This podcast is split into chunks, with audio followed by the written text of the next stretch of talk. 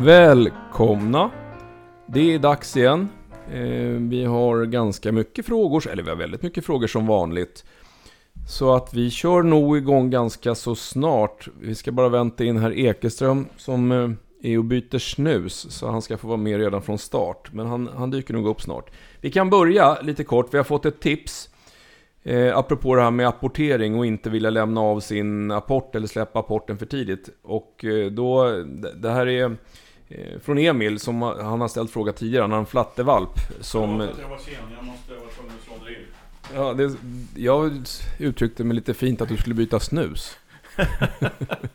Okej, han har tydligen kissat också. Nu vet ni det. Ehm, Emil har haft en flatte som har varit lite svår att få komma hela vägen in med apporten. Han har ett tips på vad han har gjort. Den här flattevalpen har nämligen alltid, när, när ehm, husse kommer hem från jobbet så har han tagit en duschskrapa och eh, sprungit runt med i munnen. Det har husse sagt nej till tidigare.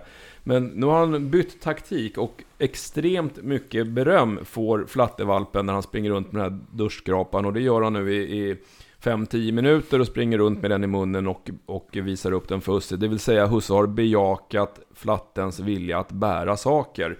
Och han har fått beröm för det. Och det här har, på något sätt då även gett resultat i apporteringsträningen. Så att nu går det mycket bättre att komma med apporten hela vägen in. Så där gjorde jag när jag hade apportörer själv. Det är smart. Alltså man plockar bort, försöker plocka bort allting som eh, den här eh, apporterande valpen inte får bära. Eh, och sen bejakar man bärandet. Bara det liksom. Inga krav eller någonting. Så då, då har man ju lagt grunden. För allt det handlar om egentligen är att få hunden att älska att bära. Det är grunden för all apporter- apportering. Så bra tips! Sen har Emil också, det här tycker jag, jag måste faktiskt läsa, han har skrivit För övrigt tycker jag att övergången till Patreon är bra. De som kritiserar det här har nog glömt tiden innan internet. Då fick man faktiskt köpa böcker och filmer för flera hundra kronor. Eh, ja, vad, tycker, vi tackar för den reflektionen. Han har en fråga också, som är mer intresse än någon hundfråga eller jaktfråga. Vilken jakt och med vilken typ av hund skulle ni helst jaga eller ägna er åt om ni får välja den jakten ni båda om ni inte får välja den jakten vi båda bedriver nu. Vi får tydligen spåna lite fritt där. Vi får välja marker, vilt och hundar helt själva. Men Eh. då går det ju bort alltså, det går bort eh, ställande hund, alltså löshund som vi har, som jag har bara nu. Det går bort eh, eh, typ kortdrivare eller mm, drevjaktshundar som du har. Ja, det, det, alltså, det, det här är, är en snudd på... Jag ska inte säga att frågan är omöjlig, men, men svaret blir så tråkigt i mitt fall i alla fall. Alltså, jag är ju väldigt mycket... Nu har jag... Jag, jag skulle nog kunna tänka mig att ha tio olika hundar med tio olika arbetssätt. Eh, och jaga med alla, för jag tycker att det finns otroligt mycket rolig jakt. Jag älskar att stå och lyssna på tax eller basset, drev, långsamdrivande hundar som håller på länge. Eh, och man står med hagelbrakar någonstans i skogen. Jag tycker sjöfågeljakt är himla kul när det funkar, men jag är usel på det så det funkar aldrig för min del. Alltså, jag är nog väldigt mycket allätare. Jag, ja, alltså, jag, jag tittar på filmer såna här som går för stötande hund, jagar kaniner nere i Skåne. Det ser ju skitkul ut rent ut sagt. Nej, alltså just nu är jag, inne på det här med, mycket ställande hund och vildsvin. Eh, sen kör jag mina vacklar, men... Men, eh, Men du har ingen ställande hund för fan. En, Ja. en riktig alltså. Nej, nej, nej. Det är en definitionsfråga. Ja, nej men alltså om, om jag inte kunde ha spetsan längre så skulle jag ju satsa på, på um, gå tillbaks till drever och den typen av hund tror jag. Men det är för att jag bor där jag bor i landet. Skulle jag bo lite längre norrut så skulle jag tveklöst skaffa träskällare och jaga skogsfågel. Ja. Det är ingen ja, tvekan. det vet jag att du fastnar lite för. Ja, det, var var, uppe. det är så ballt så det är osannolikt. Mm. Så det, det skulle jag helt klart göra. Alltså. Eh, För det är en riktigt, riktigt häftig jaktform. Men... eh, Då blir svaret, Peter om han bodde längre norrut skulle skaffa en trädskällare. Vi båda kan tänka oss att jaga med taxar, drever eh, som ett alternativ till de ställande hundarna. Men, men jag har svårt att se dig i, i eh, liksom vandrande med ryggsäck med en stående fågelhund på fält och fjäll. Det har jag svårt att se. Ja, jag har ju varit uppe och jagat ripa några gånger. Men, ja, men, alltså om du tar procentuellt sett av alla dina jaktdagar. Nej, då är, då är de få.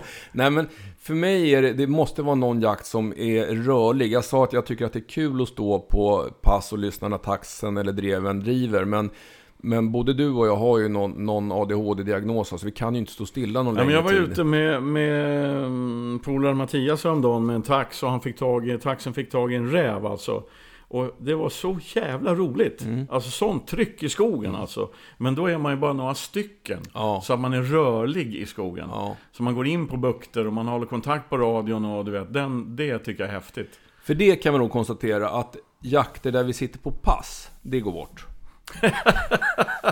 Vi släpper ämnet där tycker Ja. jag. Okej, vi hoppar till en fråga från Magnus. Han har två strävårstaxar. En är tre år och en är sex år. De har börjat med ett tråkigt eller jobbigt beteende som har accelererat så vitt jag förstår.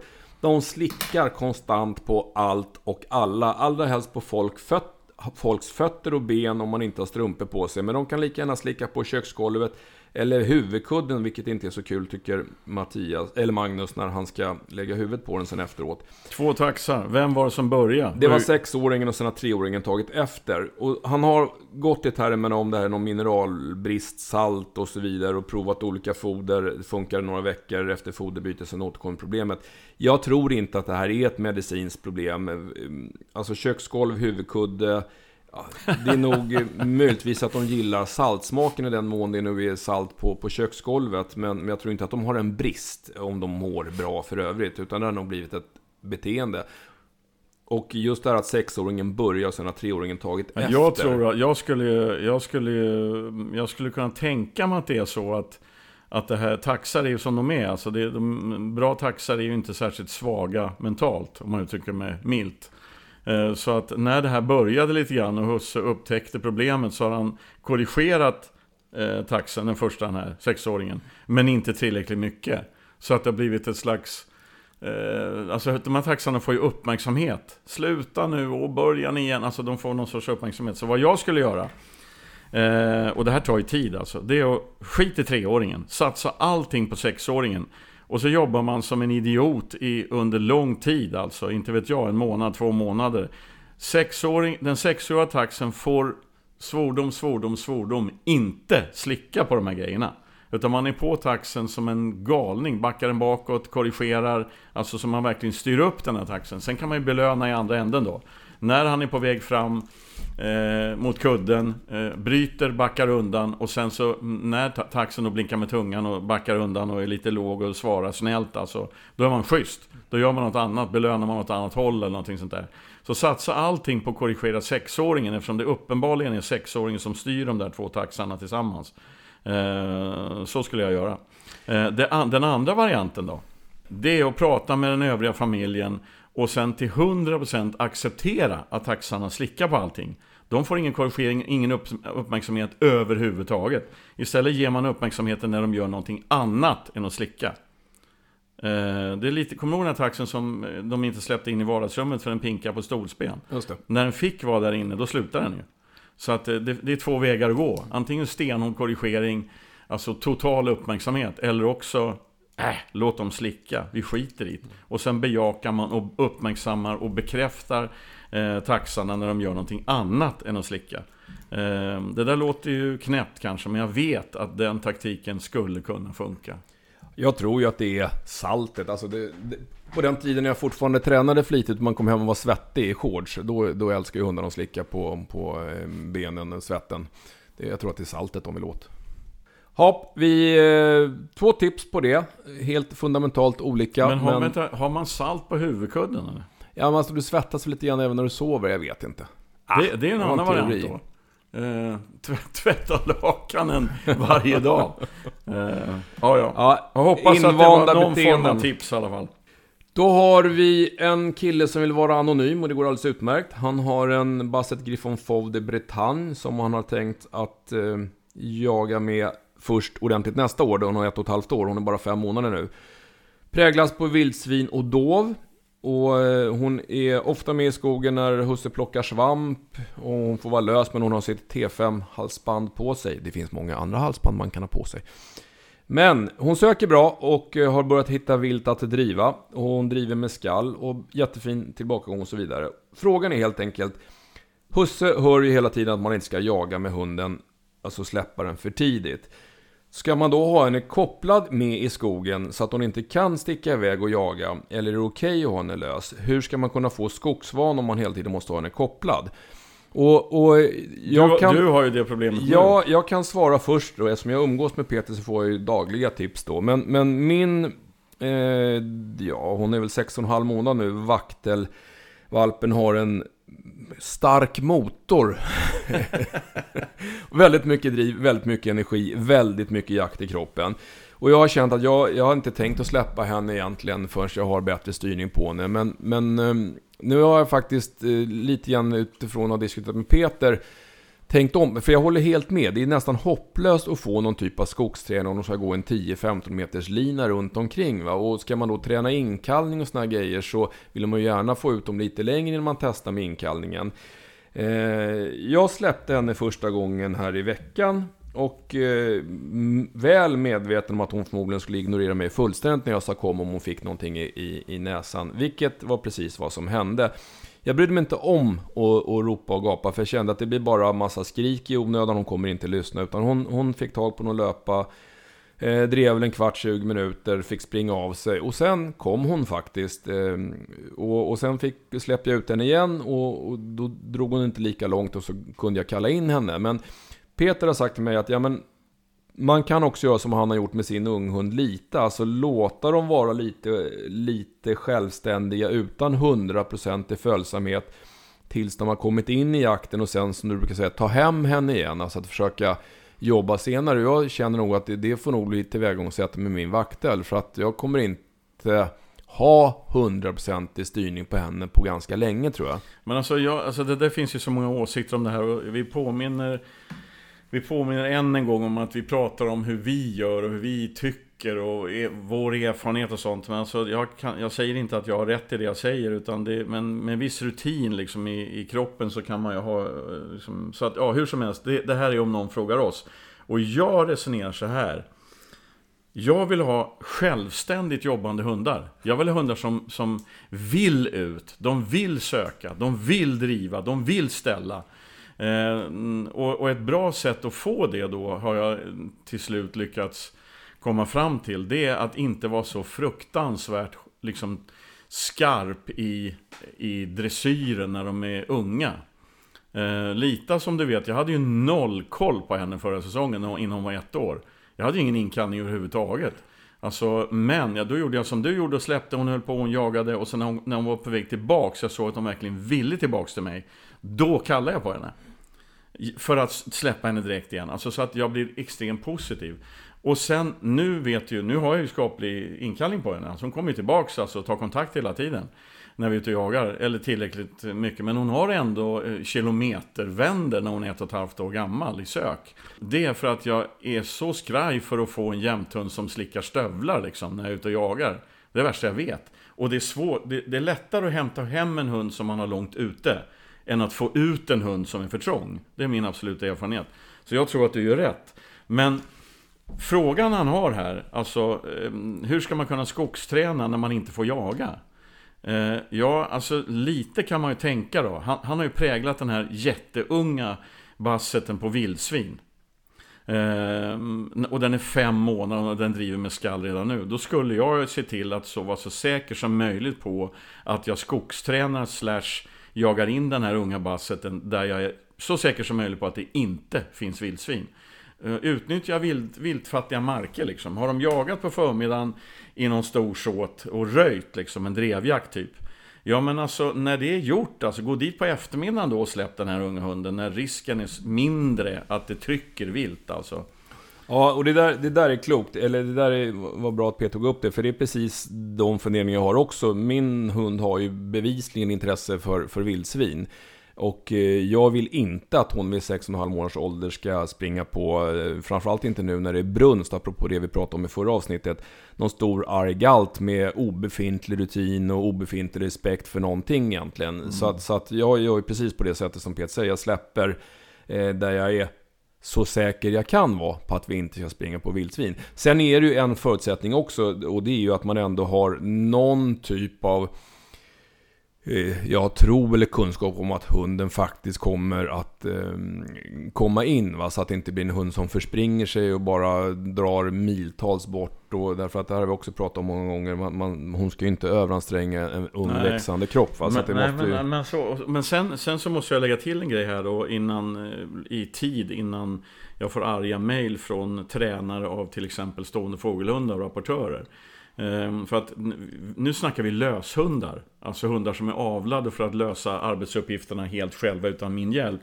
Ehm, Den dagen som jag återigen börjar med apportörer eller om jag skulle våga mig på en stående fågelhundsvalp då är det helt andra grejer som gäller. För om inte lydnaden sitter på en pointer innan man börjar jaga med den, då är man rökt. Ja. Eh, Så att det, det, de här råden ges alltså till förare av rena löshundar. Gott! Nu ska vi få en typ av skitfråga. De har vi med jämna mellanrum. Det här är en TJT, eh, alltså det är en tysk jaktterrier som eh, Husse skriver att terriern gör av med mer schampo än vad Husse gör. Han har nämligen hittat den otrevliga vanan att så fort han får chansen under jakterna så rullar han sig i skit från alla viltslag han kan hitta. Och det är en hund som bor inne så han måste ju duscha och schamponeras innan han får komma in. Tips på hur man kan bli av med det här skitbeteendet hälsar Peter, en annan Peter. Ja, alltså det här är ju dösvårt alltså. Det är, mm, jag vet inte hur jag ska kunna hjälpa till med det här eh, egentligen. För att det handlar ju om att korrigera eh, hunden när den gör saker som man inte vill att den ska göra. Och en tysk jaktterrier i vuxen ålder som man släpper på jakt i skogen, då, då har man noll koll liksom. Man, man är alltid för, sent i för sen i korrigeringen. Eh, så att jag eh, vet inte hur man ska lösa det problemet. Om det inte finns någon sorts någon sorts eh, liksom teknisk variant. Eh, helkroppstrumpa eller något. Jag vet inte. Men alltså jag, jag är ledsen. Jag, jag vet fan inte hur man ska göra det här. Men det här, alltså problemet uppstår ju, eller problemet är ju snudd på hopplöst att korrigera om man är 700 meter bort och hittar en vildsvinsskit att rulla sig i. Men det här som vi har pratat om med hundar som käkar bajs, alltså att lite grann provocera fram. Om man har hunden nära sig och ställer Ja, sig men, ja, bredvid en jo, men så är det ju. vildsvinsskit. Så är det ju. Så att om man går med hunden kopplad och hunden tittar åt något jävla geggigt i skogen och han korrigerar hunden då. Men det innebär ju extremt konsekvent träning. Eh, ingen jakt på eh, tre månader och leta reda på varenda skitkorv som finns i skogen och korrigera honom på allt det där. Det, det, har man ju, det gör man ju liksom inte eh, så. Ehm, och dessutom är det inte säkert att det hjälper, för då lär man ju tyska jaktterrierna att han får absolut inte rulla sig åt, mm, överhuvudtaget när han är i koppel. Det är ju en helt annan grej för, i huvudet på hunden än när den är lös. Jag lovar att aldrig rulla mig i skit när jag sitter i snöret. Ehm, så, så är det ju, du ser ju inte heller. Ehm, man, kan ju, man kan ju lära den här tyska jaktherren att svara på en broms, ordet nej till exempel. Det går ju att lära in ett bromskommando, lägg av med det där och sen slutar hunden. Tränar man konsekvent på det så, så funkar det. Men du ser ju inte hunden i skogen när den jagar. Om man inte jagar liksom på 100 kvadratmeter på en fotbollsplan, kanin eller någonting. Då, då kan man ju styra upp det. Men, men hunden jagar i skogen är det ju omöjligt. Så att, eh, hur gammal var den här? Ja, det Tysk? står inte, men det låter som den är vuxen. Ja, han jagar ju för fullt. Så Ja. att det är en vuxen tysk terrier. Så att eh, jag tror att det är fruktansvärt svårt alltså.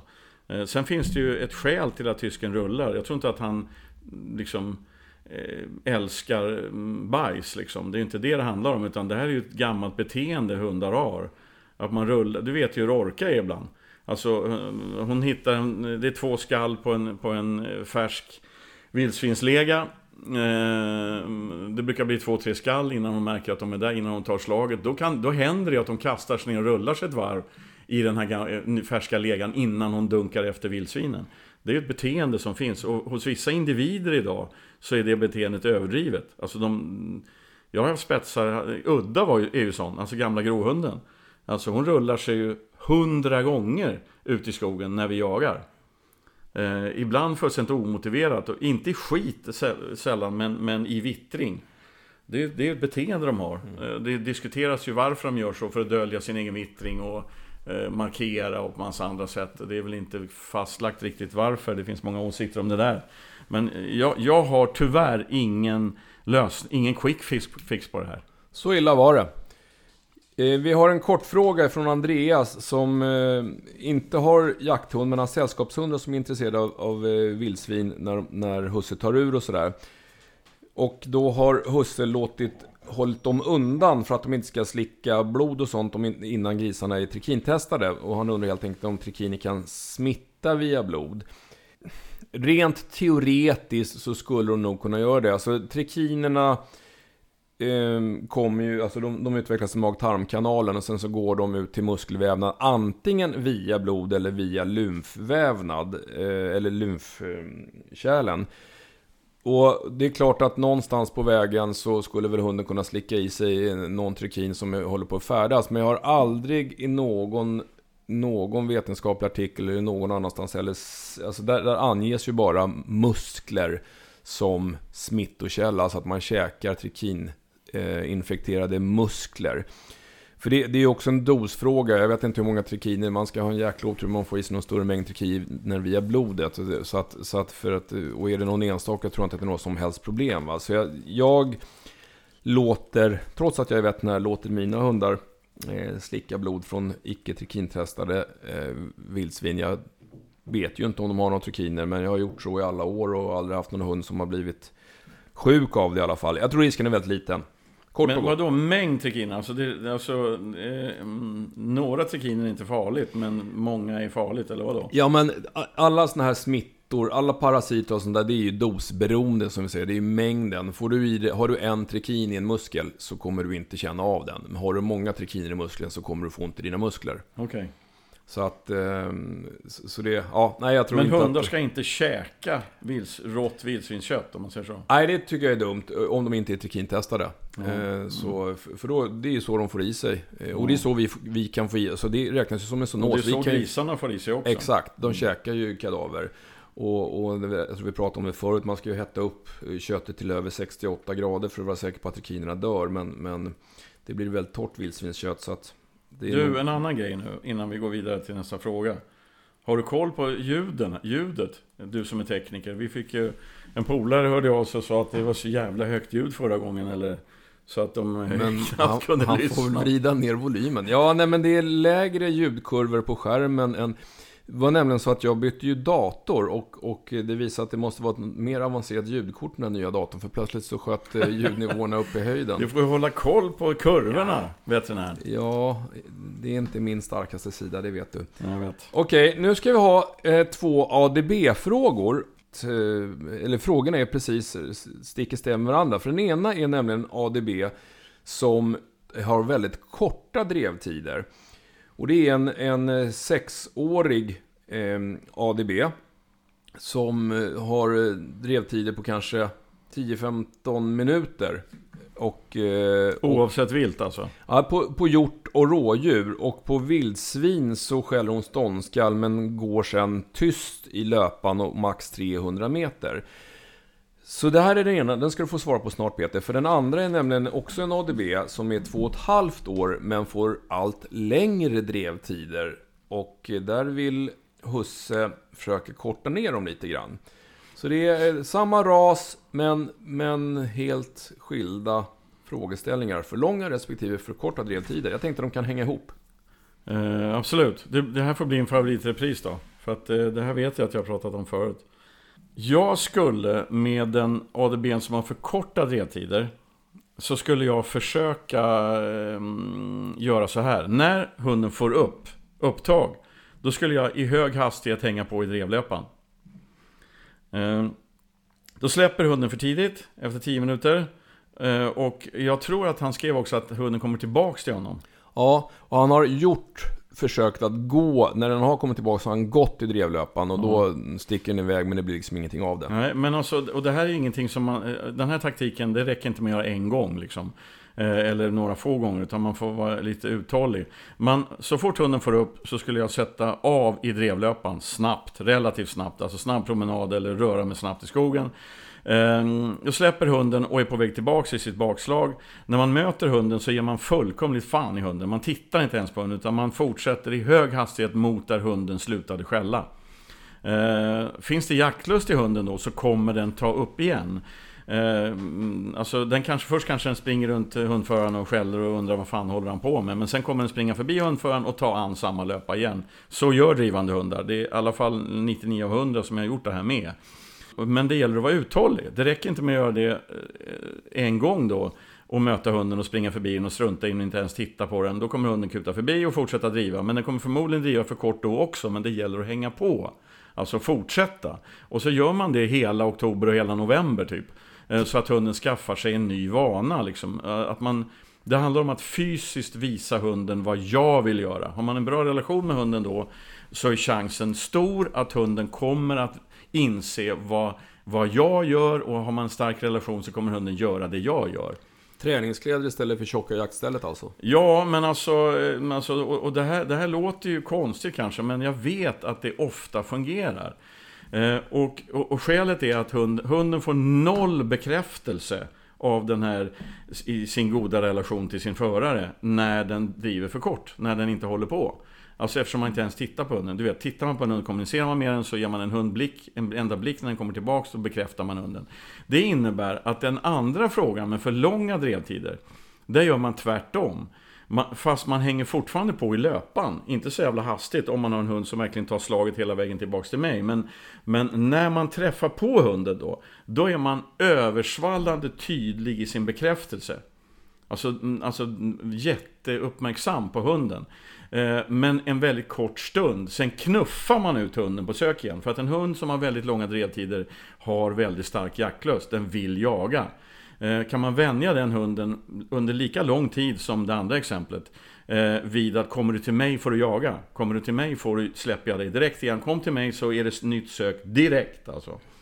Eh, därför risken med en 2,5-årig ADB med så mycket jaktlust som den här uppenbarligen har, det är att den kommer driva längre och längre och sen kommer det tråkiga att hända, nämligen att när den är på väg tillbaks efter ett långt drev, då kommer den plocka upp på nytt.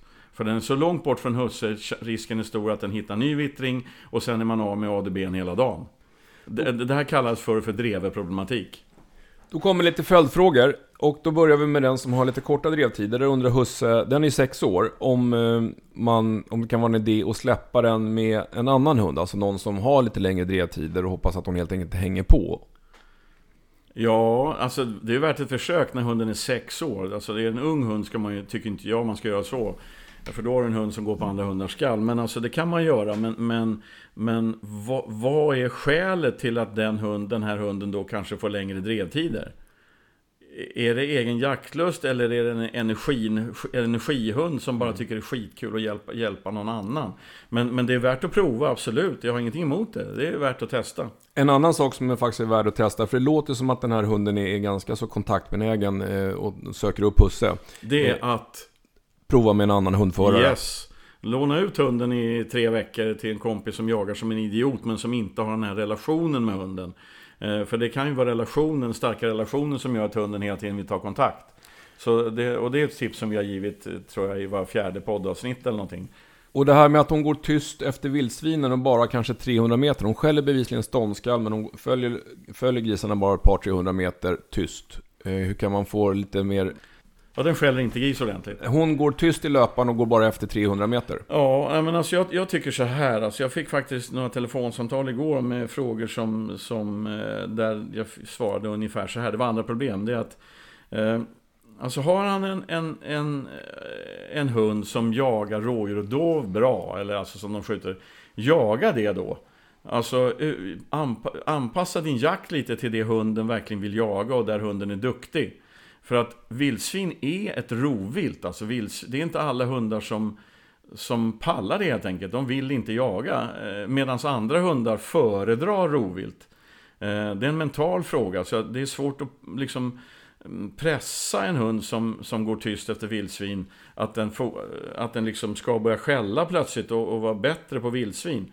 Eh, för att om man skiter i det där och jagar anpassar sin jakt och har kul med hunden på det sätt som hunden vill jaga, då kan det bli så att det släpper på vildsvinen. Men om man fokuserar på det och försöker pressa hunden, som uppenbarligen har väldigt stor respekt för stora rovvilt, eller för farligt vilt, eller vad man nu kan kalla dem, ehm, då får du ofta motsatt effekt. Alltså så skit i det där och jaga och kul med hunden. För att jag menar, det finns ju fler vilt än vildsvin i skogen. Som vi behöver jaga. Nu har vi en, ja, två frågor ifrån Joakim och de är väl svåra för oss att svara på. Det är nämligen som så att eh, det här är, gäller en gråhund som har varit uppe på tapeten tidigare. Men frågan här är att den här killen jagar i, i Värmland, de har ett högt vargtryck. Nu har de inte haft något vargangrepp på många år på den marken och, och det gör att husse börjar fundera på att släppa lite oftare. Eh, för att han inte släpps ofta eh, med, med tanke på vargen då. Och undrar lite grann vad vi tycker. Han, han får ju alla tips och idéer från de man frågar och det är av olika slag. Då släpp, eh, släpp bara när det är jakt och du har mycket folk i skogen. Och andra säger att det är farligare med trafikolycka, skit i vargarna. Och så vidare. Och han undrar lite grann vad vi tycker. Och jag vet inte om vi är egentligen rätt personer att svara på det här. För att vi har ju inget vargtryck eh, där vi jagar. Men, och, jag vet att du har ju haft lite kontakt med Sedelund, vargforskaren. Eller, ja, precis. Han jagar ju gör, Göran, eh, en otroligt skicklig och extremt rutinerad eh, löshundsförare. Han har jämtar. Eh, han jagar där i, i Vargland och han har själv sett med egna ögon i samma synfält, alltså att en av hans tikar och en varg träffas i skogen i princip. Väldigt nära varann. Eh, och det resulterade i att de, de, här två djuren tittade på varandra och gick åt varsitt håll. Har man varg, eh, jagar man i vargbältet, liksom, eller där det finns vargar, så är möjligheten är väldigt, väldigt, väldigt stor att de här löshundarna har träffat på varg i skogen utan att det har hänt någonting. Eh, det, men det är klart att man tar en risk alltså. Men jag var uppe i Värmland och jagade nu där det finns varg. Eh, med mina spetsar och eh, eh, vi jagade liksom, vi tog risken då om man ska säga. Men, men det finns ju vissa tips då och det är att eh, man, är, man, är, man är väldigt snabb in på ståndskallen. Därför att en spets söker tyst, förföljer tyst och sen så börjar den skälla när, när det är långsamma gångstånd eller eh, det står fast. Eh, och det är klart, eh, vill man undvika då, eh, det blir som en välling, för en varg som vill ta en hund och det står en hund stilla i skogen och skäller blir det som en vällingklocka typ. Så värmlänningarnas råd var att blir det ståndskall, dit direkt alltså. För att undvika problematiken. Men vi, du och jag kan ju egentligen inte svara på det här. Nej. Därför att vi inte lever i, i, Vi har visserligen varg i Östergötland nu och det lär väl inte dröja förrän vi har dem söderut där vi jagar också, söderut i länet. Men, men eh, det är ju en risk, det är en risk man tar alltså, är klart. Å andra sidan är det så att vi har ju, vi har ju vargar i Östergötland, eh, i norra delen där. Eh, ganska många vad jag fattar. Men, men om, man, om man kollar hur många hundar i Östergötland som har blivit skadade eller dödade av varg de senaste tio åren. Om man jämför dem eh, de hundar som har blivit dödade eller skadade av vildsvin eller sparkade av älgar så är ju vargrisken minimal i, i den här delen av landet. Så att eh, vi kan ju inte svara. Det är upp till var och en om man vill om man vill ta risken helt enkelt. Ja, men vi lever ju, som du säger, och med det jag jobbar, vi, vi tar ju en risk varenda gång vi släpper våra hundar på vildsvin. För mm. jag vet ju att det går åt ett antal hundar varje år på grund av vildsvinsskador. Så att, eh... Jag fick ju en fråga också om, vi har ju, har ju tagit fram en skyddsväst som kommer upp på marknaden snart. Och då fick jag en fråga av en kille som ringde för att skydda den också mot varg. Kommer ni ha vargstål? Eh, och jag menar, eh, vi vet ju liksom att vargstål är inte trygghet nog för att en varg absolut inte ska skada en hund. Men å andra sidan så skadar det inte att ha vargstål. För att det fördröjer väl attacken eller minskar risken. Och även om du inte har vargstål men en bra skyddsväst så, så har man ytterligare några sekunder på sig att komma dit och försöka avstyra situationen eller något. Så att all, all form av skydd är inte dumt, även om det inte är hundraprocentigt. Vi nöjer oss med det tror jag. Som sagt, en nästan hopplös fråga. Svara på det nog upp till var och en. Eh, Joakims andra fråga är också lite knepig. Det, alltså, han jagar med sin gråhund i ett jaktlag där man uppenbarligen vill att hundförarna ska röra sig väldigt flitigt i såten. Alltså att hundförarna förväntas gå igenom tätningarna och kärren och höjder och svackor för att antingen stöta älg eller hitta spår.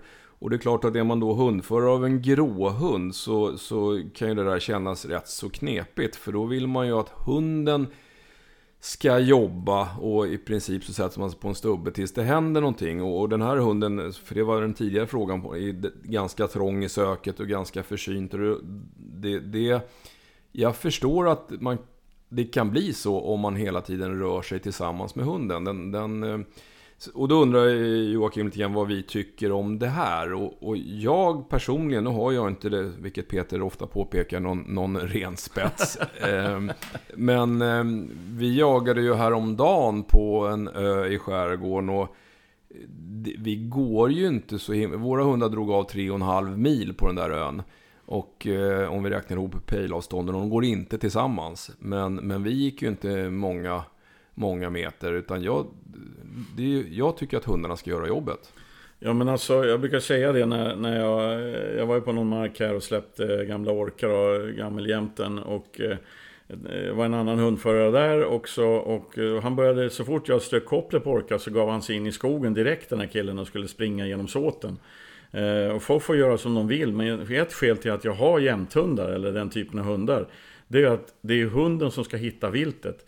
För om jag springer runt så blir det garanterat eh, inte ostört vilt som hunden hittar. Eh, så att, men, men jag menar, har man en, en hårt in, eller rätt injagad spets som verkligen, man har skjutit på ståndskall, men den, den, hunden har söken, självständigheten, förföljandet och alltihopa det där. Då kan man ju då och då eh, jaga med den hunden när det gäller såtjakter och en slags drevjaktvariant är klart. Men unga hundar, unga spetsar som man jobb, jagar som han beskriver här. Så är det klart som fan att han får en gråhund med trånga sök som håller sig nära husse. För det är ju där viltet eh, exponerar sig. Eh, och, då, och då skjuts det ju säkert springvilt också. Alltså att de, de första vilten som faller, eller många, nio av tio vilt som faller för den här gråhunden, är skjutna av passkyttar. och Då lär sig gråhunden fullkomligt fel jaktsätt jämfört med det som den faktiskt är avlad för.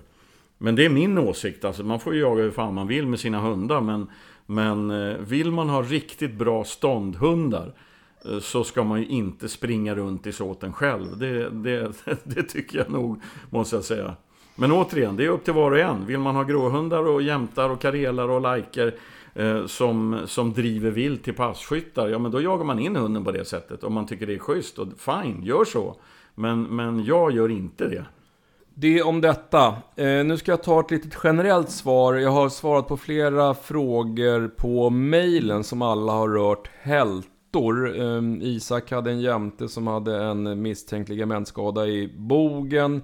Och sen så fick jag en film på en vaktel som var halt. Eh, och ytterligare någon basset som hade utåtvridna tassar. Eh, rent, och jag har svarat alla de här att jag tycker ju, har man framförallt valpar, unga hundar som fortfarande växer. Eh, och det dyker upp problem i 5, 6, 7 månaders åldern jag har sagt det förut, prata gärna med uppfödaren, ni kanske kan få något tips och idéer. Men känner ni att någonting ser konstigt ut, hunden är halt, den eh, verkar ha ont sånt där. Då tycker jag att man ska kolla upp det. Därför att det finns en del problem som sker i tillväxtfasen. Eh, och ju tidigare, om det behöver korrigeras, så är prognosen bättre ju tidigare man korrigerar. Och det är ungefär vad jag har svarat i de här mejlen. Eh, att, att jag tycker att man ska kolla upp det. Och, och då är det ju som vi också sagt många gånger förut att, att um, all respekt för mina kollegor som är duktiga allmänpraktiserande men, men det kan vara värt att leta upp någon veterinär som har mera kunskaper och mera fokus på just ortopedi, alltså rörelser, störningar, skador i rörelseapparaten. För att eh, växer de eh, med ett problem och när de har vuxit färdigt så är det svårt att korrigera det där och då är risken stor att man får eh, kroniska skador som inte går att rätta till. Så det var svaret på de frågorna och lite allmänt tips till alla som har hundar med eventuellt små hältor. Okej, okay, då ska vi komma till injagning av en ADB som delvis verkar ha löst sig, men vi tar upp den ändå för det är nog ett ganska vanligt, eh, eller det, är en ganska vanlig frågeställning. Vi får många liknande frågor. Det här är en 9 månaders ADB som eh, är släppt när den var runt 8 månader och hade bra skall på, på och då runt 2-3 minuter och sen så har den här då tappat intresset eller inga drev, vill inte gå ifrån husse och, och slutat söka ut helt och hållet. Stopp! Nio månader. Ja. Den är inte mogen. Nej. Det är en valp. Ja. Nio månader, könsmognad. Ja. Någonting händer i huvudet. Ta, ha is i magen bara, ta det lugnt. Hetsa inte fram den här nio månaders utan eh, vänta jättelänge som till exempel nästa helg och släpp igen så kommer den jaga. Jaha, Eh, och, har man otur så är det samma där, då väntar man ytterligare en helg, man bara gullar med hunden och gör någonting annat. Är det så att den tappar intresset för jakten plötsligt en nio månader, ja men börja sportträna hunden då, eller kör ett agility, eller, eller mm, prägla med något annat, eller gör någonting. Den kommer ju jaga. Den, det, här är, det här är den här klassiska grejen, eh, jag har inget tålamod, hunden ska jaga nu. ja, och sen har faktiskt Husse skrivit ett mail till dagen efter han skickade det första och då hade de varit i skogen igen och... Och då funkar det plötsligt. Då hade det plötsligt funkat va? Så att, vi har sagt det jätteofta.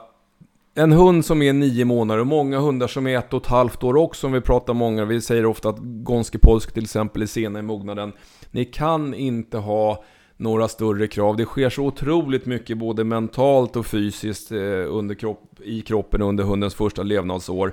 Plus att Peter sagt att många jagar ganska bra första året och sen blir det en svacka år två. Och det är inte heller konstigt. Vi får inte ha bråttom med våra jakthundar. Det tar tid att lära sig att bli en duktig jakthund. Jag, jag jobbar med hundar i många år, alltså på alla möjliga sätt. Eh, jaktmaskiner av, av mm, Guds alla raser. Men eh, jag, eh, det är sällan när man testar en hund, bedömer en hund, som, jag kan, som man ser att en hund är fullvuxen i huvudet innan den är tre år gammal. Ehm, faktiskt, eh, så är det. Du förresten, det här leder ju in oss på den här Gonski Polski frågan. Killen som ringde hade, har en Gonski Polski, det är en tik, den är två år gammal. Eh, den har jagat eh, skapligt bra. Eh, och sen förra helgen, plötsligt, så jagade den dåligt, eller inte alls. Eh, och killen får panik då en hel helg utan att det funkar, trots att det har funkat inne. Och då får han panik och så ringer han mig. Ehm, och så berättar han det här med darrande röst. Vad händer? Har slunden slutat jaga? Då får man ju ställa några följdfrågor som till exempel Tvåårig gepetik. De här packhundarna mognar väldigt sent i min eh, så. Och sen frågade jag plötsligt, när löpte hon? Ja, i början på september, sa han. Okej. 100 dräktiga Lindevall, hur länge då? 63 dagar. 63 dagar, vilket innebär att ungefär samtidigt som han ringde, då skulle hon haft valpar om hon hade blivit betäckt. Så, ehm, och det där hormon, med hormoner i huvudet på hundar, det har vi snackat mycket om eh, tidigare. Eh, jag tror helt, helt säkert alltså att dels är det omogna då, styrning, hon har svårt att styra det här med vad som händer i huvudet när hormonerna knackar på. Jag tror att hon, hon, hon har varit skendräktig helt enkelt och, och letar, springer och letar valpar i skogen. Eh, det, det tror jag verkligen. Ja, det är ju inte alldeles omöjligt. Och skendräktigheten håller ju precis som Peter eh, säger, alltså den håller ju på lika länge som de normalt sett skulle vara dräktiga. Eh, De har ett hormonpåslag då. Och en, en del har ju jättejobbigt med sin skendräktighet. De, de producerar mjölk, de springer och bär på alla tofflor och gosedjur och bäddar och har sig. Så, att, så, så det är inte ovanligt att vi kastrerar tikar just för att de har så himla jobbiga efterlöp eller skendräktigheter. Ja, precis. Och, och dessutom är det en två, tvåårig Polski, vilket innebär att hon inte är vuxen ordentligt i huvudet ändå, redan som det är. Eh, Så att eh, ha is i magen och eh, vänta bara. Du, när Håll vi lite pratar- koll på det här med livmoder då. Ja, just när vi pratar skendräktighet, därför att vi, vi skrattar ju nästan åt det häromdagen, du ringde mig på jobbet. Jag vet inte, de sista fem gångerna du ringt mig på jobbet så har jag alltid varit på väg in för att operera en livmodsinflammation. Eh, och då sa vi att vi kanske ska nämna det på, på podden. Och då, då är det ju som så att livmodsinflammation, det är den absolut det är den överlägset vanligaste akutoperationen vi gör. Och det är sånt som man behöver göra ganska omgående, till skillnad mot sådana här planerade operationer då. då. Och de, livmodern blir ju inflammerad Alltså i anslutning till löpet, den kan bli det under själva löpet, men upp då till ett par månader efter löpet, det vill säga under den perioden som tiken har ett hormonpåslag. Och, och varför vi skulle ta upp det, det är egentligen därför att den här som jag opererade häromdagen när Peter ringde var ju en, eh, Eh, en så kallad stängd livmodersinflammation. Eh, därför att alla tror ju att när, när tiken har livmodersinflammation så rinner det mängder med var och eh, snusk där bak då. Men det är inte alltid det gör det, för att ibland så blir livmodershalsen så igensvullen så att så det kommer inte ut något snusk och var. Men det betyder inte att det inte finns där, utan det ligger liksom och fyller på in i själva livmodershornen, de två som tikarna har då. Och det där kan bli så illa så att, så att till slut så, så spricker de där hornen, de kan inte ge efter mer. Alltså jag har opererat ut livmödrar som har vägt 3,5 kilo. Eh, och de kanske väger 300 gram, så det är 3 Det måste kilo. innebära att tiken blir svullen något enormt. Ja, och eh, så, så att det man ska gå på, har man en okastrerad tik som eh, klassiskt brukar vara att de, de, det är en infektion. Många blir törstigare, de dricker mer och kissar därmed också mer. Eh, och sen så brukar ju mm, det ge sig till känna på allmäntillstånd, det är lite sämre aptit, tröttare, en del får feber och så vidare. Så att, så att var lite observanta på, på de symptomen om det sker i anslutning till ett löp. Va? Därför att det, det behöver inte synas på utsidan att hon har en livmodersinflammation. Och brister livmodern och det ramlar ut, i det här fallet då 3 kilo var i buken, då är det illa. Då dör hunden om man inte är snabb. Ja. Men du, eh, du sa att eh, ett tecken är att det rinner snusk ur hunden. Ja, Definiera snusk. blodblandat var. Uff, uff. Ehm, Okej, nej men alltså tillbaka till den här GP-tiken. Ta det lugnt alltså. Jag tror att det är hormoner som spökar. Ofta så är ju rådet ta det lugnt. Vi har också dåliga dagar på jobbet. Vi, har, vi jagar ju med Mattias som du nämnde förut. Han har en ADB som han sa själv att vissa dagar jagar hon skitbra, andra dagar är hon rent usel. Alltså hon är, hon, hon är ju så. Ja. Eh, alla hundar är inte på topp varenda gång man släpper dem i skogen. Okej, vi har fått en fråga på vårt Instagram, jakthundar och jakt, där vi helst inte vill ha några frågor. Men ibland så tittar jag på de där frågorna och nu hittar jag den här. Det är en plott som tydligen har 25% finstövare iblandad också. Den är fem månader gammal och den här ska tränas på gris.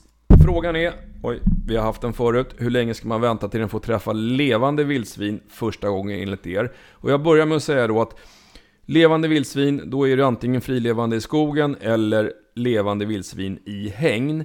Eh, och vi berörde det nyss, det är ju dumt att släppa en obrutinerad, omogen hund i skogen där den riskerar att träffa eh, vildsvin, arga galtar eller arga suggor utan någon som helst rutin. Är den fem månader, då tycker inte jag man ska släppa den på vildsvin överhuvudtaget. Men Peter, vi har haft det förut, men kör du. Ja, man får ju gå på eh, hängnen. Alltså, de flesta hängnen har ju en 12 månaders gräns. De vill att hunden ska vara ett år gammal innan den släpps på, på hägnade vildsvin. Och det är väl eh, klokt. Eh, för, då, för då, jag menar en fem månaders eh, jakttokig plottfinne. Ehm, eh, den, där är det jaktlusten som driver liksom medfödda egenskaper, lust att förfölja. Och då har den ingen aning om hur den ska bete sig när den träffar på ett, ett, ett vilt som frontar. Eh, så det är väl bra att ta det lite vackert. Sen kan man ju...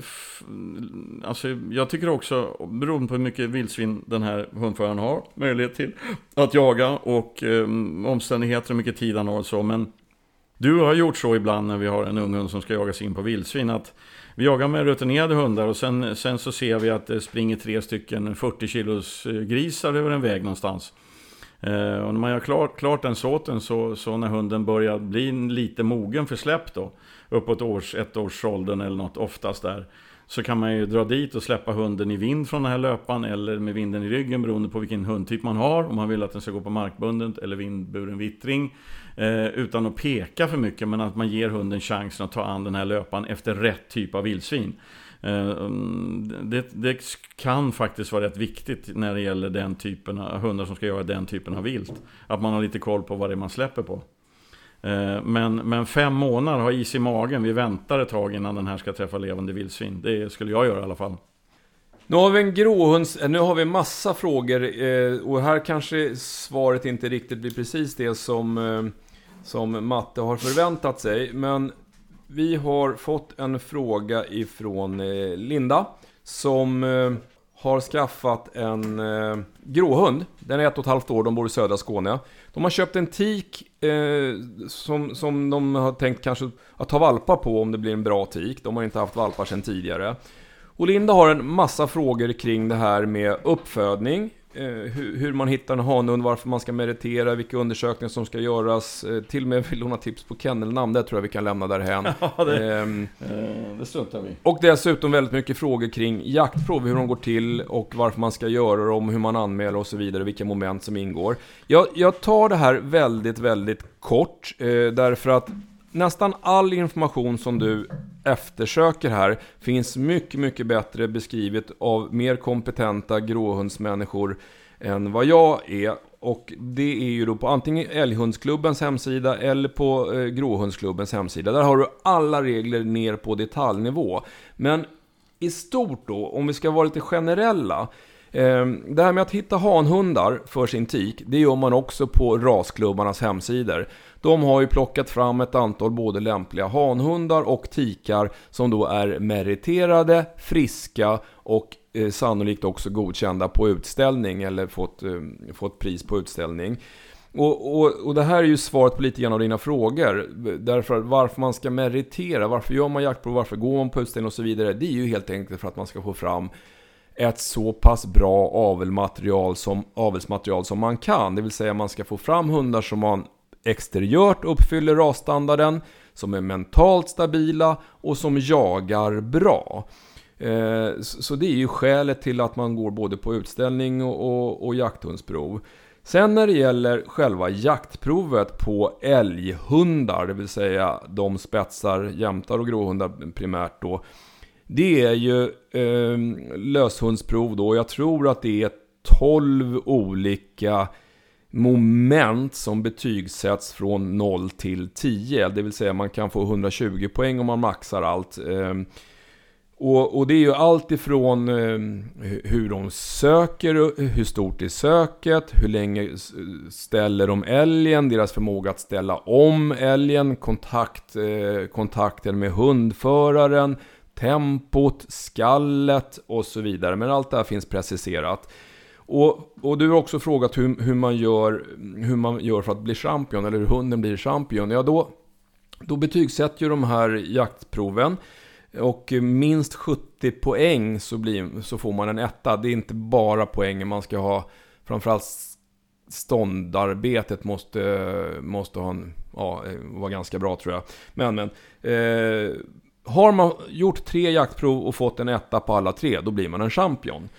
Men som sagt, mitt tips är egentligen att läs på, på Älghundsklubben eller Gråhundsklubbens hemsida för där har du allting ner på detaljerna. Det går, står exakt hur varenda moment går till och hur det bedöms.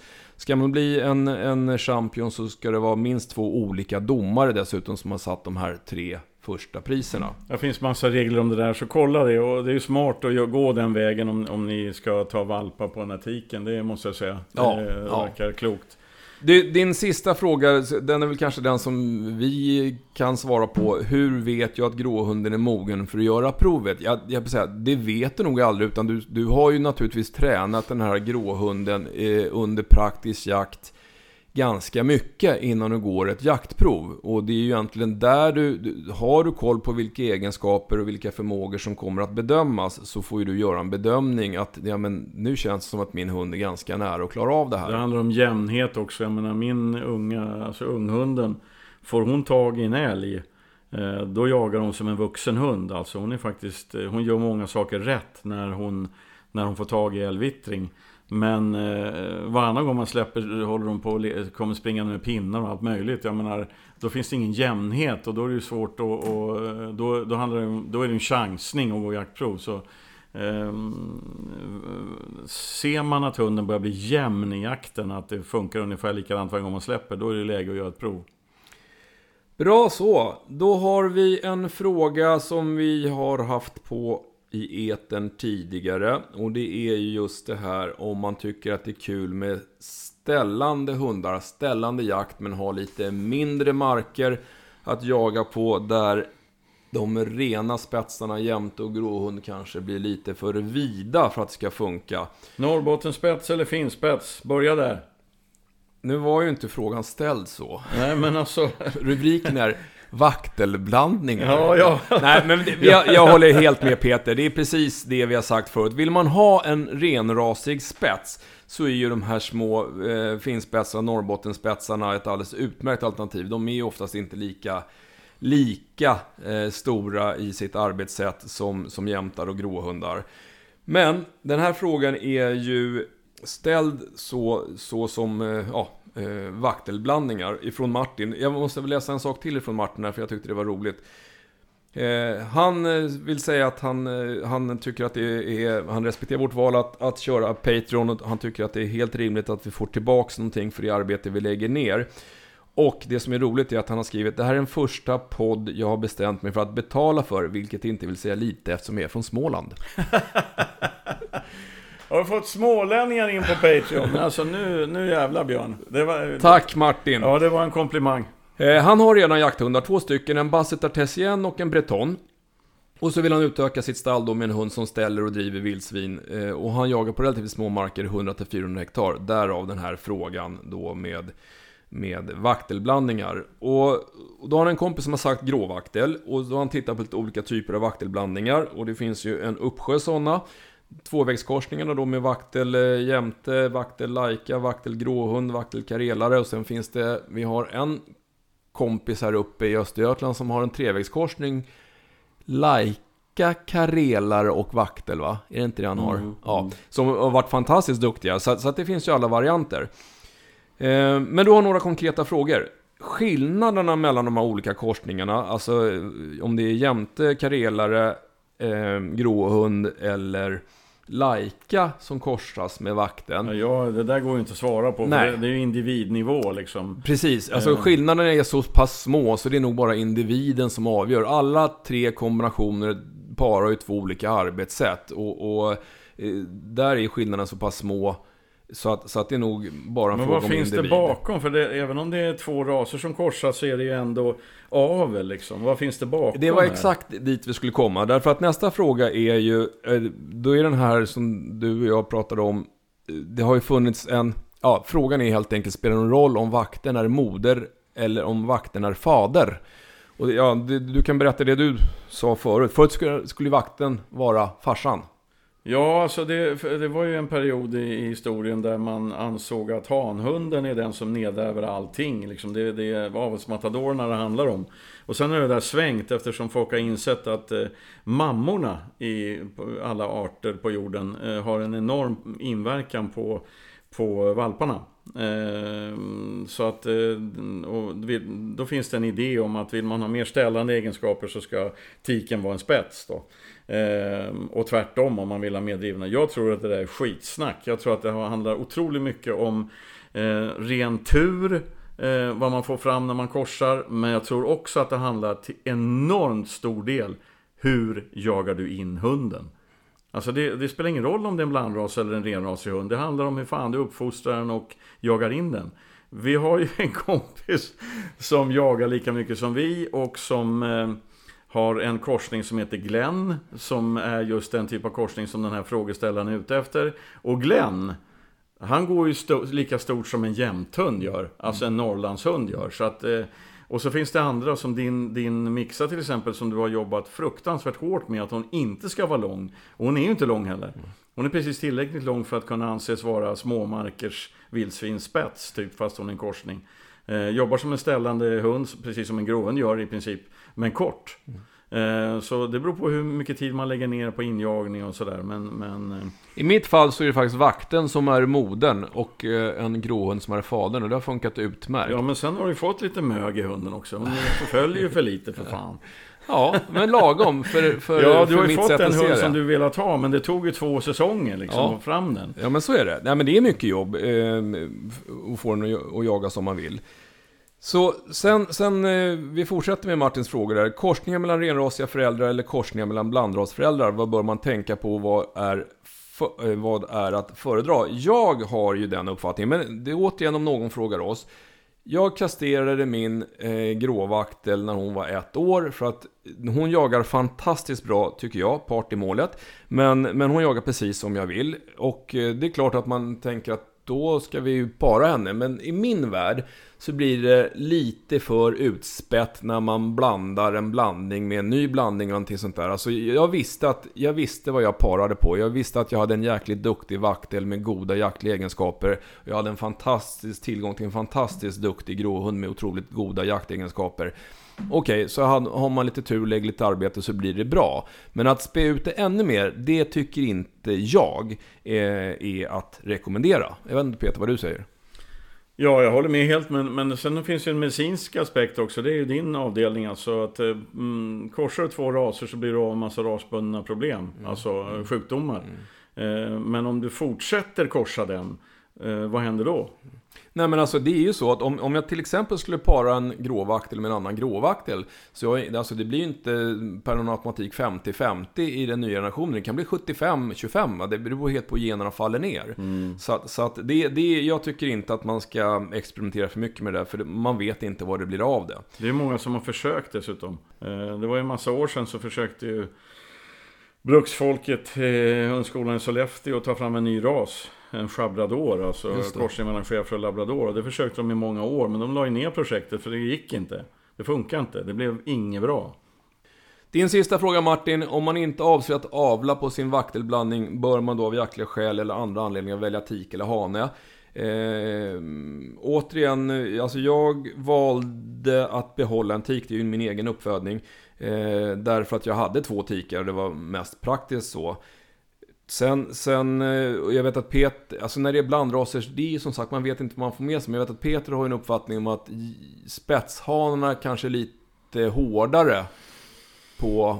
Ja, det, det, alltså, det här är ju väldigt mycket min erfarenhet och sådär och kompisar man har och så. Men, men om vi tar jämthundar då, som jag har, så, så är jämthundshanarna överrepresenterade jämfört med tikarna när det gäller att bli skadade under vildsvinsjakt. Jag tror att det har att göra med att att jämthundshanar har något gammalt i kroppen, att de mäter sig med viltet. De står kvar när utfallet kommer typ. Eh, men, men det är en väldigt, väldigt personlig reflektion. reflektion. Men, men så länge jag jagar vildsvin med mina spetsar så kommer jag att välja, och jag gillar jämthundsrasen då, då kommer jag välja tikar.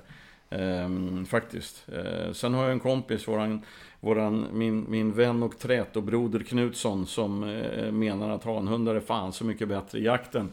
Jag vet inte riktigt eh, om det stämmer eftersom man då och då vill låna orka. Så att men eh, men eh, nej, det där är en, det där är en helt, helt upp till, till eh, mm, hundförarens eget val. Det finns för och nackdelar.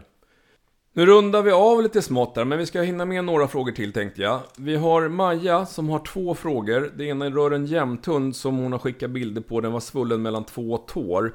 Och vi, hon har varit hos veterinären och konstaterat att det inte var någonting som har kommit in i tån, utan det blev bara rengöring och tratt. Och så hon skickar bilderna. Det ser inte ut som det är jättefint läkt det där efter två veckor. Ehm, då nu blir det lite sådär Maja, det är jättesvårt när man ser bilder. Jag ser ju att det är infekterat eller inflammerat mellan de här tårna. Och det jag kan konstatera att både vid sporren och mellan de andra tårna, alltså det är ju två delar mellan trampdynorna som, där det blir väldigt, väldigt tätt och väldigt, väldigt mycket tryck. Liksom, så att det ligger och skaver på, på varandra. Ehm, jag tror inte att det är svamp. Ehm, någon typ av fukteksem jag är mer inne på. Men, men vad gör man för att läka bättre? Jag, jag, vet ju inte nu, för det framgår inte om du har fått någon, någon medicin. Men det, som det ser ut nu så skulle jag nog ha förmodligen satt in någon typ av antiinflammatorisk kräm på det där, eller salva. Och sen, ehm, sen är det helt rätt att det ska tvättas så att hunden måste ha krage för att inte kunna slicka. Men, men efter två veckor tycker jag att det har gått lite för lång tid för att man bara ska säga att eh, vänta vidare. Utan det där, jag skulle nog kanske prata med veterinären och säga att det ser inte dugg bättre ut efter två veckor. Ehm, ja, för att det är lite för lång tid, tycker jag. För att det borde ha sett bättre ut. Så det behövs ytterligare någon åtgärd. Den andra frågan är Ja, den här är inte helt lätt. Eh, därför släpper jag den till Peter. Nej, det, det, det, är en Laika som, nu är det inte getingsäsong som Maja skriver, men den här Laikan har en fruktansvärd getingsträck. Alltså hon, hon blir hon går inte ut på sommaren nästan. Och kommer en geting inomhus så blir hon helt galen och har bara fokus på den här getingen. Och skäller och beter sig jättekonstigt. Och hon försöker ta getingen. Har blivit stungen flera gånger så det blir liksom en ond cirkel. Och de har försökt att strunta i henne och de har försökt att säga åt henne. Men hon blir liksom helt blockad Men är det getingen. bara getingar alltså? Det verkar så. Det där tycker jag är jätteintressant. För att det, det finns ju andra liknande flygfän Ja. Eh, som hon borde reagera på i så fall. Ja, huruvida bin och humlor ingår, det vet jag inte. Det står geting. Men för att eh, om det är enbart geting, vet fan alltså. Men, men det kan ju vara så att... att eh... Men säg att det är surrande, mm, randiga flygfän. Ja, det här, jag har inget svar på det här alltså. Förutom att minimera, minimera risken att det händer. Eh, så mycket som möjligt. Eh, man får springa runt med sån här spray och grejer Ja. utomhus. Nej, men det här, jag vet inte hur man ska eh, fixa det här. Men, men eh, eh, man får väl se till, man får väl försöka se till att man är med liksom. Eh, hör man en, en, en, en surrande grej så så kanske man kan använda kommandon, liksom sätta hunden eller lägga den eller någonting sånt. Ja, det var det jag tänkte på. Om man liksom kan väldigt, väldigt tidigt innan de går in i det här blocken bryta. Ja, Alltså- men hör, hör man att det surrar eller något så, så försök att träna in ett otroligt fast kommando som till exempel ligg. Ehm, så att man kan lägga lajkan på 20 meters håll, liksom den smäller i backen.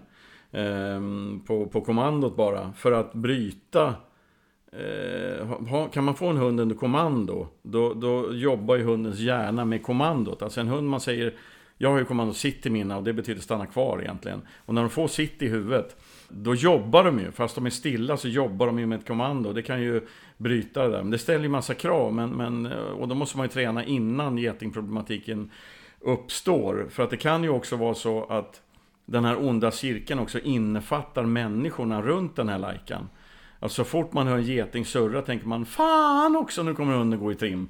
Eh, så att man förstärker liksom eh, problemet på det sättet. Men eh, två grejer, jobba in ett kommando så man kan bryta, bryta hunden. Och nummer två, försök att se till att alltså problemet blir så litet som möjligt. Alltså det är myggfönster, det är sprayer och det är grejer, i alla fall inomhus menar jag då. Så att man, man minimerar eh, problemet helt enkelt. Annars har jag ingen... Det är de två grejerna jag kan tänka mig, annars så, så eh, är det dösvårt. Um, jag är ledsen, jag har inget mer än så. Nej, det var en svår fråga. Nu kommer Nu jag på kommer en en sak. jättelätt fråga, det är, det är lös i en- magen. Nu kommer lös i magen. Den, det är inte många avsnitt sen vi pratade om det här, men, men det här är en drever som Mattias har som blir dålig i magen vid jakt. Eh, hon är fyra år och han jagar minst en gång i veckan och det går rätt bra sådär. Men redan från första säsongen så blir han dålig i magen efter och under jakt. Lös avföring och ibland även någon strimma blod i det. Eh, det här är Mattias inte ett alldeles ovanligt problem. Det finns grader av det naturligtvis. Vissa märks det ingenting på när de jagar och andra får ehm, ända fram till blodiga diarréer. Va? Men, och jag har inte någon sån här exakt eh, förklaring på varför det blir så. Men jag kan tänka mig ett flertal orsaker eh, till att hundarna får, får lös avföringen. Dels så är det som så att under jakt så är det en otroligt hög aktiv- rörlighetsnivå, aktivitetsnivå. Vi vet att allting i kroppen arbetar snabbare under aktivitet, så även mag-tarmsystemet. Det där är sådana här standardråd när det kommer in hundar som har förstoppning, alltså att ut och försöka få dem att röra på sig och springa och så vidare för att det aktiverar även tarmrörelserna.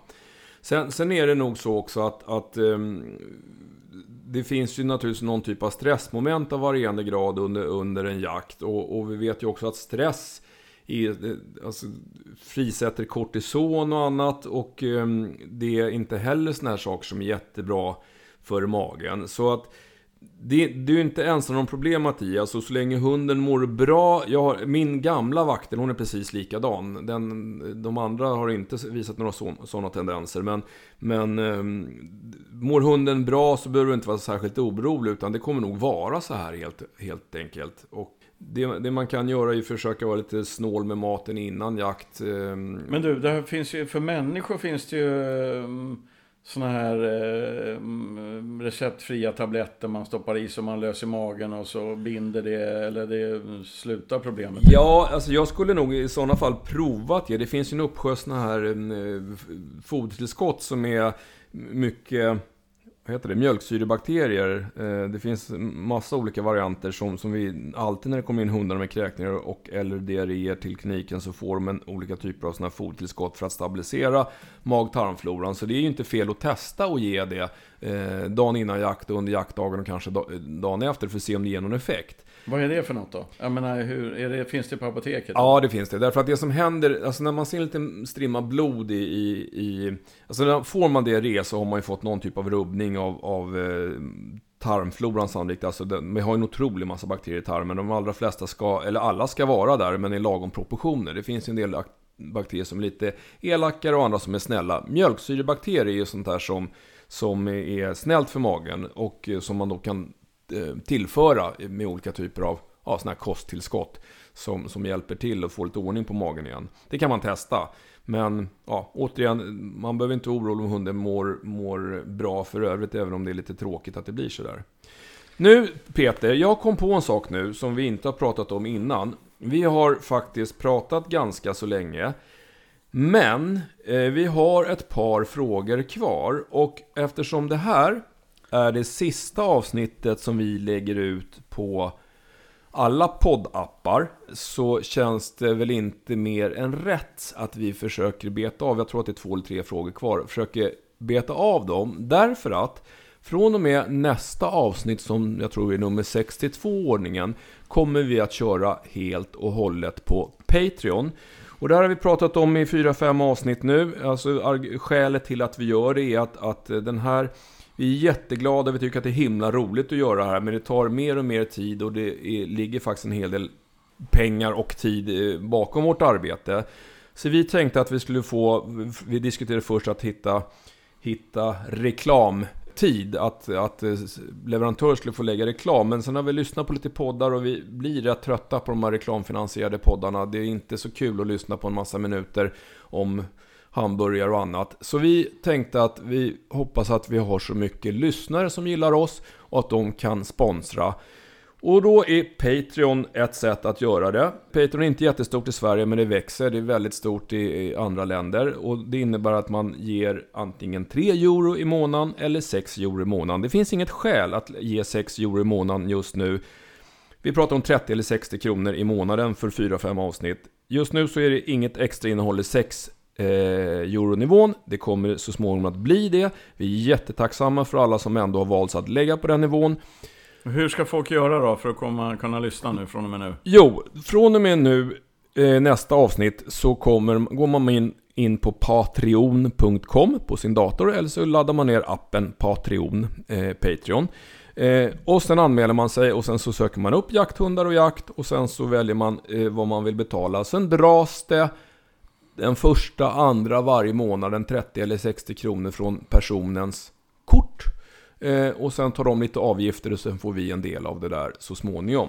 Och eh, man går i och man går ur när man vill. Man kan vara med en månad och hoppa av sen och man kan växla mellan nivåerna. Och numera är det också som så, vi har förstått, vi fick tips från en av våra lyssnare, tack för det förresten, att, att, och det har jag fixat nu, man kan gå in och lägga en sån här RSS-feed så att man faktiskt kan lyssna på andra poddappar än Patreons egen. Eh, man får en länk helt enkelt. Så ja, det kan... behöver de inte göra. Det har du fixat, så det ja. kan man göra automatiskt. Ja. Och så tar det tar två minuter att eh, genomföra den här enorma operationen att hänga på in till Patreon. Ja, vi hoppas att det är många som tycker att det är värt att hänga med över, för vi har, vi har en hel del ambitioner och tankar med hur vi kan göra det här eh, mer intressant och kanske framförallt med hjälp av rörligt material. Men, men eh, så att eh, avsnitt 62 kommer landa på Patreon, punkt slut. Dock ligger alla 61... Det var bra, Patreon, punkt slut.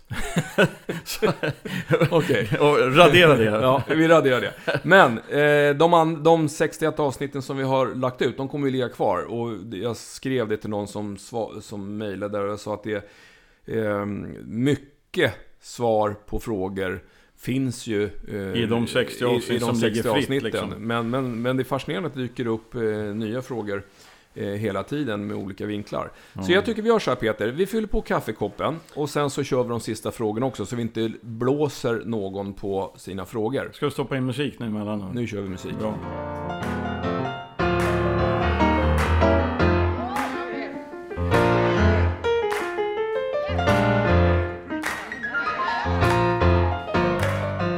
Nu ska vi svara på de två sista frågorna. Eh, inte på något sätt de sista för alltid, utan vi hoppas att alla ni som lyssnar hänger med över till Patreon. Eh, vi har två frågor som vi ändå vill ha med här. Eftersom alla kommer kunna lyssna på det här avsnittet. Och det ena rör en drevervalp som är sex och en halv månad.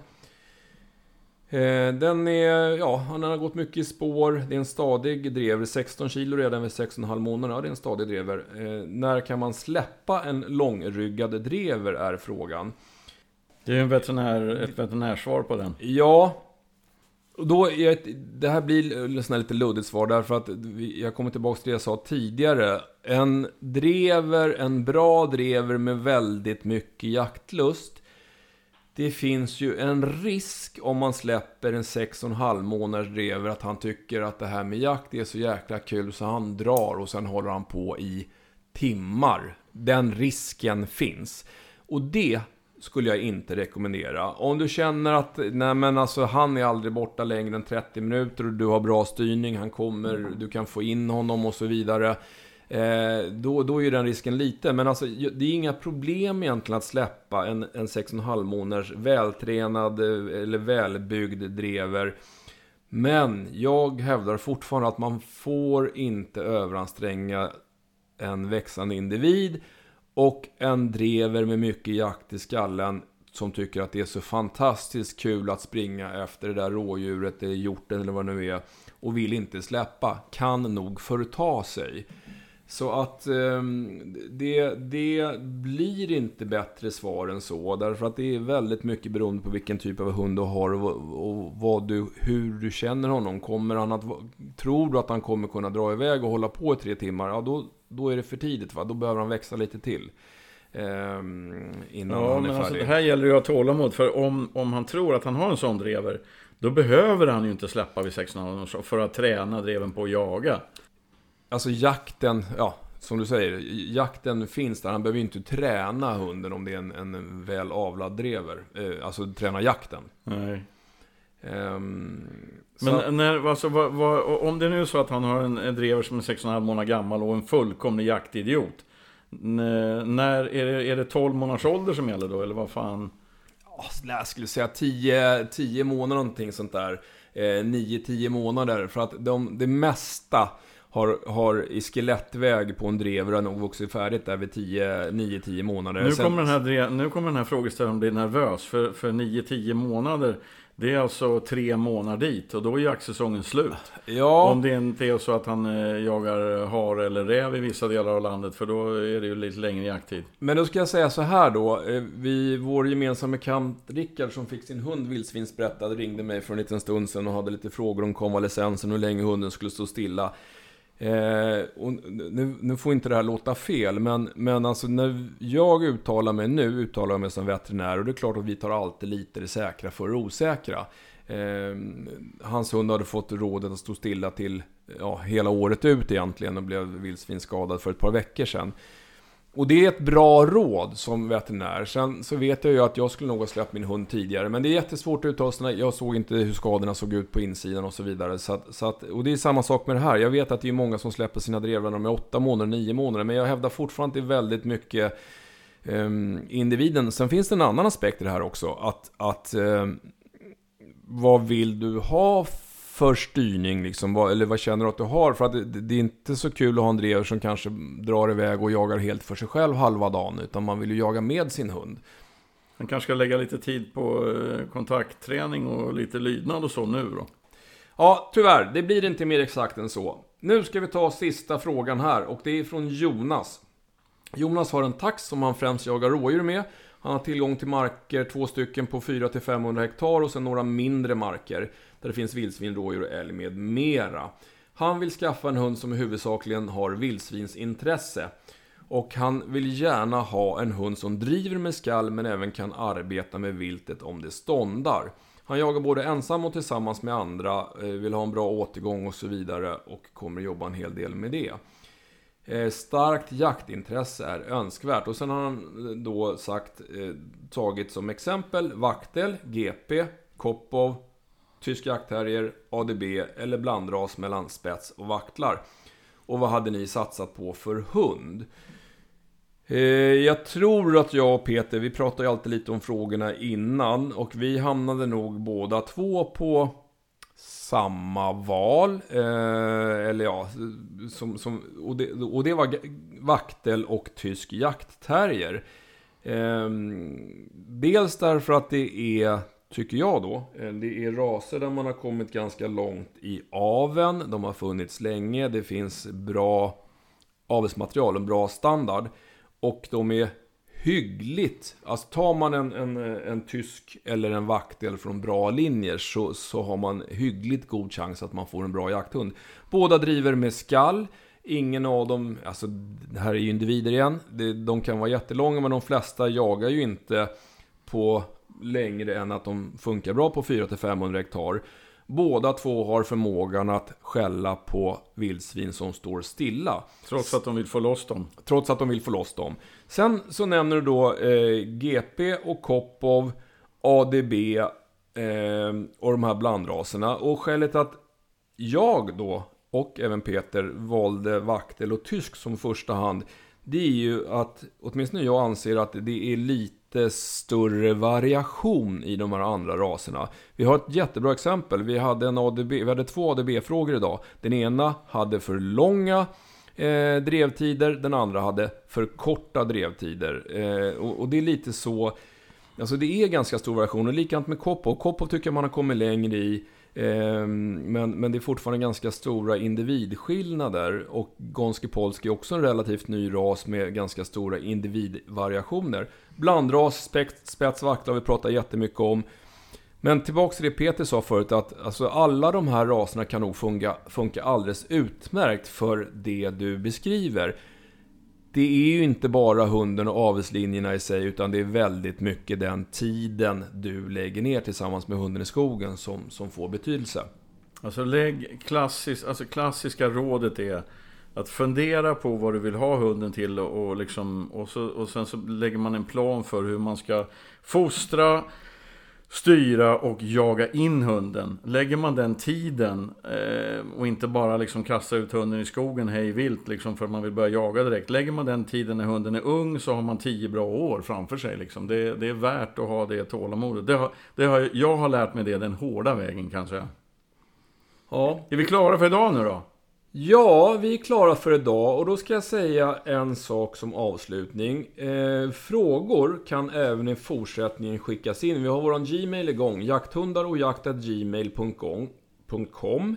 eh, Men vi skulle gärna se att alla ni, som vi hoppas är många, eh, som följer med oss till Patreon, eh, skickar in era frågor där, för de har också en Messenger-funktion. Eh, därför att vi kommer eh, primärt att svara på frågorna som kommer via Patreon i fortsättningen. Om vi behöver fylla ut så tar vi frågor från jakthundar och jakt. Och ni som har skickat in frågorna där och inte med till Patreon, ni får väl tjuvlyssna med någon som har Patreon då. Eller hur vi nu gör det. Så att jakthundar och jakt.gmail.com finns kvar. Annars så ställer ni frågorna direkt i Patreon. Och Instagrammet, jakthundar och jakt, finns naturligtvis kvar. Vi hoppas att så många som möjligt hänger med till Patreon då, så för då, då, kan vi faktiskt fortsätta med det här. Ja, och det vill vi gärna göra, för det är ganska kul. Även om det tar lite tid och du åker många mil i bil. Oj, vad rimligt. Ja, nej men det är lugnt. Vi kör vidare och får vi se vad som händer. Så häng med till Patreon. Tack för idag, om någon frågar oss.